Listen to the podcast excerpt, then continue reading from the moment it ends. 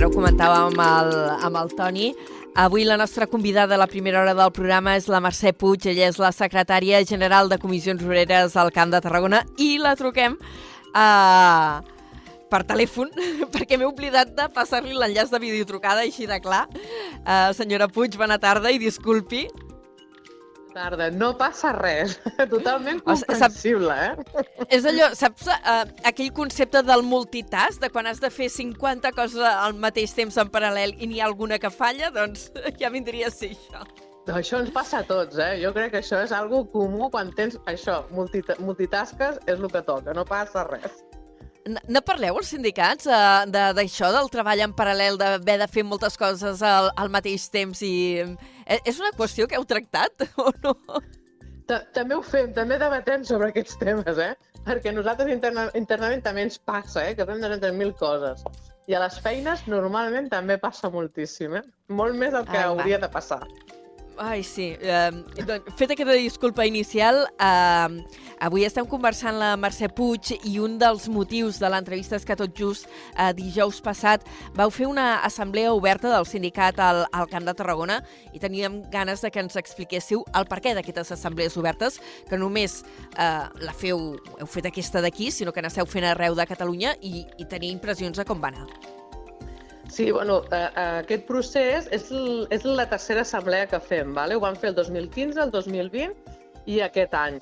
Aquestes assemblees venen lligades als nostres processos de, de, de congressos, que és on, on, on decidim eh, les, la, lo, lo que són mm, els òrgans nostres, els decidim. Llavors, l'any abans fem aquestes assemblees sindicals obertes perquè el que volem des del sindicat és poder escoltar la gent. O sigui, nosaltres, aquestes assemblees, el que venim, donem uns eixos i llavors el que volem és escoltar què ha de dir l'afiliació, el que ha de dir les associacions amb qui tenim d'allò, amb entitats, amb tothom que vulgui venir, no? i el que fem és obrir-les a, a nivell de Catalunya. En tenim unes 100 assemblees i aquí a Tarragona doncs, ne fem al Vendrell, a Valls, a, a Tarragona, a Reus, a Tortosa. Intentem aproximar-nos com més com més millor a, la, a el que és el, els treballadors i les treballadores, no? Perquè es tracta de sentir la seva opinió, no? La seva opinió i amb el que recollim d'aquestes assemblees, nosaltres el que fem són les línies estratègiques del sindicat pels pròxims quatre anys després del, del procés congressual que farem l'any vinent. I en aquesta reunió de Tarragona, que és la, la més propera, l'última que heu fet, uh -huh. eh, quins temes van sortir? Mira, en aquests, nosaltres tenim uns eixos, no? I els eixos que nosaltres hem donat per començar el debat, entre molts altres, eh? que llavors allí la gent pot parlar i ens pot, i ens pot portar de tot, no?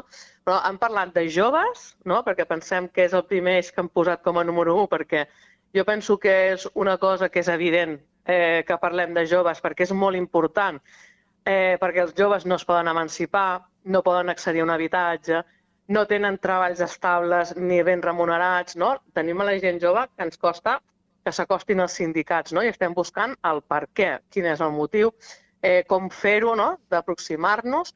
Eh, un, altre, un altre eix, però no pot ser un altre, és el treball, el món del treball, no? Parlar de salaris, de negociació col·lectiva. Llavors, un altre és els drets de la ciutadania, tot el tema que té a veure amb, amb, amb drets socials. Parlem de migració, eh, parlem una miqueta, eh, són eixos que són molt oberts, no? però que nosaltres després eh, es fa tota una recollida no? I, i és molt, molt interessant fer aquestes assemblees on, on escoltes no? I, i et dones compte no? de que al final eh, tots tenim uns, com uns objectius no? que són els mateixos, però que nosaltres com a sindicat hem d'intentar no, posar-los a, a dins de les negociacions, tant al diàleg social com a la, a la concertació. No? Uh -huh. uh, parlant de diàleg social, uh, la setmana passada el govern espanyol uh, aprovava uh, l'augment del salari mínim interprofessional, uh, que s'ha elevat uh, fins als 1.134 euros. S'ha superat ja aquell llindar uh, que veníem molt de temps arrossegant de a veure quan s'hi arribarà als 1.000 euros, com a mínim. Uh, I destacaven des del govern espanyol que en 5 anys s'ha incrementat el salari mínim interprofessional un 54%. Uh, valoració des de Comissions Obreres. Nosaltres ho veurem molt positivament. Nosaltres, eh, des del primer dia, vam dir que eh, hi havia una necessitat imperiosa d'augmentar el salari mínim. Mira, hem de pensar una cosa, que hem augmentat el salari mínim interprofessional, però la gent, amb, amb la inflació que hem tingut, la gent és com si s'hagués quedat igual al final. Saps el que et vull dir? Clar, això, imagina't si no haguéssim aconseguit aquesta, uh, aquest augment del salari mínim, no? Quan la patronal es posa tant a la defensiva, nosaltres no ho entenem, perquè no ens diuen que hi haurà me menys, menys llocs de treball, que hi haurà menys ocupació, que no podran que no, les grans empreses no podran invertir, i ha sigut tot el contrari al final. Està vist que després de la reforma laboral que també van firmar de la contractació més el salari mínim, ha ajudat a que l'ocupació s'estabilitzi, que n'hi hagi més, i ha, i ha ajudat a que la gent que tenen, tenien uns salaris molt, molt baixos, els hagin pogut augmentar una mica per aguantar el cop que han tingut amb tot el tema de la inflació. Um, és que ara estava pensant que a principis de temporada, bueno, ara tornant de les festes de Nadal, uh, vam tenir també aquí el programa el president de la CEPTA, de la patronal tarragonina, i ell deia que amb aquests increments salarials no els hi surten els números, són els seus arguments. Nosaltres amb això sempre hem dit que no estem d'acord. No estem d'acord perquè és que, a més, eh, s'ha vist que totes les grans empreses, després de la pandèmia cap aquí, a passar d'una vegada la pandèmia, han tingut uns beneficis perquè tota aquesta pujada que hi ha hagut, ells després d'aquesta pujada l'han fet al seu producte final. Però els treballadors no han vist ni un cèntim d'aquestes pujades. Si no fos per la negociació col·lectiva als convenis o pel salari mínim, els treballadors no haguessin vist un cèntim. Clar, això, això, això, no, això, no, això no pot ser possible. Jo entenc que ells diguin, és que jo abans guanyava 300 i ara guanyo 200. Ja, ja, jo ja ho entenc. Però, escolti, és que la gent eh, cada vegada està més empobrida a casa nostra. Hi ha més pobresa a Catalunya i això s'ha demostrat. Escolti'm, vostès també han de treballar en la línia de que, ostres, abans ne guanyava 300, ara ne guanyava 200, però ells ens diuen nosaltres que tenen pèrdues, i això no és veritat tampoc. Home, de fet, ara fa uns dies sortien les dades de beneficis d'entitats de, bancàries com el BBA mm. o, o CaixaBank i fins i tot ne vam fer una miqueta de conya, eh, internos, amb els companys del programa, allò de, ostres, no sé jo, després venen i ploren, no? Sí, clar, això és el que diem nosaltres, no? El que no pot ser és que es queixin contínuament, però, no, però és el que dic jo, dic, és que ells no tenen pèrdues, que han deixat de guanyar els mateixos beneficis que tenien fa 10 anys. Bueno, potser sí, però és que, escolti, les coses estan canviant per tothom vostè ha deixat de guanyar 50, però escolti, però segueix guanyant 200. Escolti, m'entén? Mm, i, i, quin, I què reparteix vostè als seus treballadors d'aquests beneficis, no? Quin percentatge en reparteix realment? No? Clar, això no pot ser. S'ha de fer un altre canvi, no? I això és una de les línies que s'està treballant també des de comissió, no? que sempre diem que s'ha de repartir la riquesa. El que no pot ser és que la riquesa es quedi amb quatre i no sigui repartida per tothom, perquè al final si tu reparteixes els diners, ja, la gent pot sortir a, a, a, a, als museus, pot sortir a fer cultura, pot sortir a fer coses.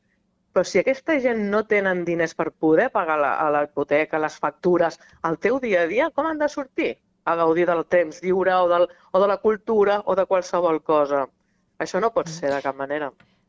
Uh, senyora Puig, a banda d'haver-se aprovat ara fa molt pocs dies, de fet la setmana passada, aquest increment del salari mínim interprofessional, uh, el govern espanyol també ha emprès un procés de negociació per anar reduint uh, la jornada laboral. Des de Comissions Obreres, com creieu que hauria de quedar uh, aquesta jornada laboral? Bueno, nosaltres aquí a Catalunya tenim una cosa que és diferent, que és que aquí a Catalunya quasi, quasi que tenim el 90% dels convenis que ja els tenim sobre les 37 hores i mitja. Nosaltres aquí a Catalunya ja estàvem demanant ja fa temps que nosaltres eh, hauríem d'anar treballant les 35 hores i anar cap a les 32, perquè realment a les negociacions col·lectives que hem aconseguit fer, no?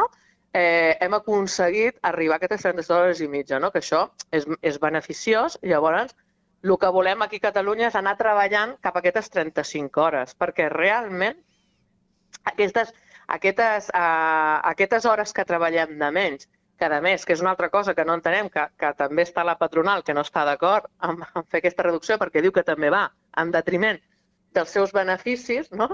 que aquí... Oh, suposo no, que el no seu argument és si treballen menys hores hauré de contractar més gent, no em surten els números. Dic jo, Clar, eh? Sí, sí, sí. És que sem sempre tenen aquesta argumentació. Sempre ho veuen tot en negatiu i diuen que això produirà que hi hagi eh, menys ocupació d'estabilitat, que hi hagi menys... Nosaltres els diem que sempre estan veient tota la part negativa de tot. També ho deien quan van fer quan, va, quan van fer tota la reforma contractual, amb la reforma laboral, bueno, van posar el crit al cel, perquè, clar, això de ser l'agent fixa discontinu, de desaparèixer el contracte d'obra i servei, que tot això els empitjoraria. I ha sigut tot el contrari, eh? Ha millorat l'ocupació i nosaltres creiem que ara també. Tenim plantilles que són amb unes edats molt elevades. Tenim gent amb atur de llarga durada de més de 40 anys. Eh? O sigui, que nosaltres pensem que tot això pot donar estabilitat i ocupació a moltíssima gent que ara mateix no la té. Mm. Ara parlava de, de dades de l'atur, ho ha dit així de passada, no? amb l'estabilització, amb aquests nous contractes, eh, el, donar més predomini al, als contractes indefinits, eh, però hem vist que l'any mmm, veníem d'una evolució relativament positiva després de tot el que havia sigut la crisi de la Covid, de, de recuperació de les taxes d'ocupació, però hem vist que el 2023 s'ha tancat amb un increment d'atur a la demarcació de, de Tarragona. Quina lectura en feu des de, des de Comissions Obreres? Bueno, nosaltres sempre hem dit que, que ens preocupa moltíssim l'atur que tenim a, a, la, a les nostres comarques, perquè realment nosaltres tenim un sector que depenem moltíssim, que és tot el sector de, de serveis, no? i que una vegada hem estabilitzat les plantilles, doncs això fa com una frenada, no? realment. I llavors el que ens preocupa és que no veiem nous projectes, perquè una vegada s'ha estabilitzat el que és tot el tema del sector serveis, clar, si no hi ha nous projectes industrials, si no creiem no, nous projectes que portin més ocupació al territori, difícilment podrem seguir augmentant amb ocupació i reduint eh, la gent que tenim a l'atur. Clar, això serà molt complicat tindre aquesta regla de 3, eh? Mm -hmm. Home, de projectes ara estava pensant en l'OTE, eh, a Riudor, a Riudoms, a Montroig del Camp, eh, la zona d'activitats logístiques, eh, la indústria mm. també està amb tot el tema de l'hidrogen, s'ha de fer la hidrogenera de Repsol. Per citar-ne alguns, tenim els fons de, de transició nuclears eh, que estan mig en marxa, que no acabo d'entendre ben bé com funciona perquè han fet un sistema relativament complicat. Eh, sí. No teniu esperances amb aquests eh, diferents eh, actors que tenim sobre la taula de de dinamització? Saps quin és el problema? Que veiem que s'està començant a treballar, però no li veiem la llum al final. Jo ho sento ser bastant així, no soc eh, amb el tema de Montroig sí que és veritat que ho veiem perquè és una empresa que ve i tants llocs de treball i tant fent, no?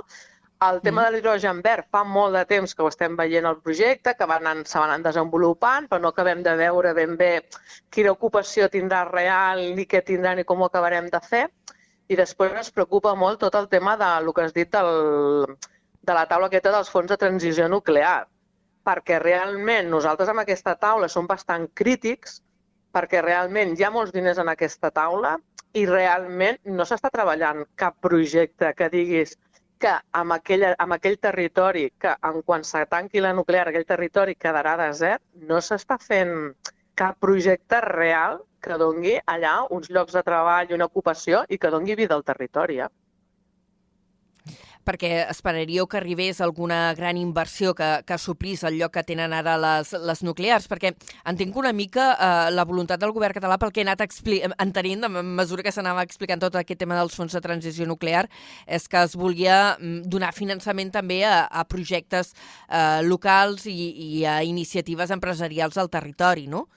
Potser no posar sí, sí. els ous tots en un mateix cistell, sinó anar fent eh, com una taca d'oli. Sí, però nosaltres, el que nosaltres veiem és que sí que es poden fer aquestes coses, però anar fent aquestes gotes d'oli en un territori que és tan complexa com el que estem, com, a, com està, que és tota aquella zona de Flixmore i tot allò d'allà, en un territori tan complexa, el que es necessita és que també s'arribi un projecte, eh, o sigui, que un projecte gran també, perquè fer coses petites a nivell de poblacions petites, al final això no farà que aquell territori es desenvolupi i, i, faci, i creï més coses, no? I llavors, clar, nosaltres, eh, amb tots els diners que hi ha damunt de la taula, creiem que també s'hauria de mirar un projecte que realment li donés a aquest territori una empenta que és el que realment necessita. En aquesta assemblea que, que, que hem començat una mica l'entrevista parlant d'això, eh? i ara que ja encarem la recta final, hi havia l'assemblea oberta de Tarragona que vau fer la setmana passada, un dels temes que vau tractar també és la mobilitat, i recollir unes declaracions que vau fer, en aquest cas a ATAC 12, en què parlàveu del tramcamp, el tramvia que s'ha d'implantar, que també és un projecte d'aquests, uh, uh, el temps que fa que en parlem, que dieu, bueno, això tampoc serà la panacea. No, perquè això, al final, això és una solució que tenim aquí, eh, que començarà amb un tram petit, no? després volen ampliar-lo, però bueno, s'ha d'anar veient tal com s'ha d'anar ampliant, però territorialment tampoc ens solucionarà el problema de mobilitat que tenim. Eh, aquí o es fa realment un projecte de transport públic a tot el territori i si i realment eh, la Generalitat fa posar tots els ajuntaments i que, sé, i que es faci un projecte real, que sí que és veritat que això solucionarà una part, però no serà aquí la solució que, del problema que tenim nosaltres al territorialment, ni molt menys. Aquí tenim un territori que és que mm, anar amb tren o anar amb autobús eh, d'un lloc a un altre, si vius en un poble, és que a vegades és, és molt complicat i molt difícil arribar fins a Tarragona. Aquesta és la realitat sí, sí. que tenim territorialment i és una cosa que portem molts anys dient i queixant-nos però no, no, no, no acabem d'estirar de, de, i de que se solucioni això. Ara que s'està començant a configurar, o almenys diuen des dels ajuntaments, l'àrea, la, la futura àrea metropolitana de, del Camp de Tarragona, us hi han convidat els sindicats? De moment encara no. Parlam... Espereu poder-hi dir la vostra, també? Bueno, esperem que sí, eh? perquè realment eh, amb els ajuntaments hem tingut sempre una bona relació i esperem poder dir-hi la nostra, perquè amb molts temes ja ho hem tractat amb ells eh, fora d'aquesta àrea metropolitana i tal, no? però sí que és veritat que estem davant d'un canvi, no? estem parlant de tot el canvi climàtic que arriba no? i nosaltres seguim desplaçant-nos amb cotxes particulars eh, per tot el territori. Cada vegada hi ha més cotxes dins de Tarragona, cada vegada hi ha més cotxes dins de Reus, no? I la realitat és que la gent ha d'anar amb el seu transport públic, ai, amb el seu transport privat. Això és la realitat que tenim cada dia, no? Llavors, és necessari no, que es faci un projecte a gran escala a tot el territori. Avui hem conversat amb la Mercè Puig, la secretària general de Comissions Obreres del Camp de Tarragona. Hem parlat una mica de tot. Eh, hem sí. acabat parlant de mobilitat, hem parlat de sous, hem parlat d'ocupació de fons de transició nuclear. Li agraïm moltíssim que ens hagi acompanyat avui a Carrer Major. Moltes gràcies a vosaltres per convidar-me. Bona tarda. Fins la propera. Adéu-siau. Adéu, bona tarda.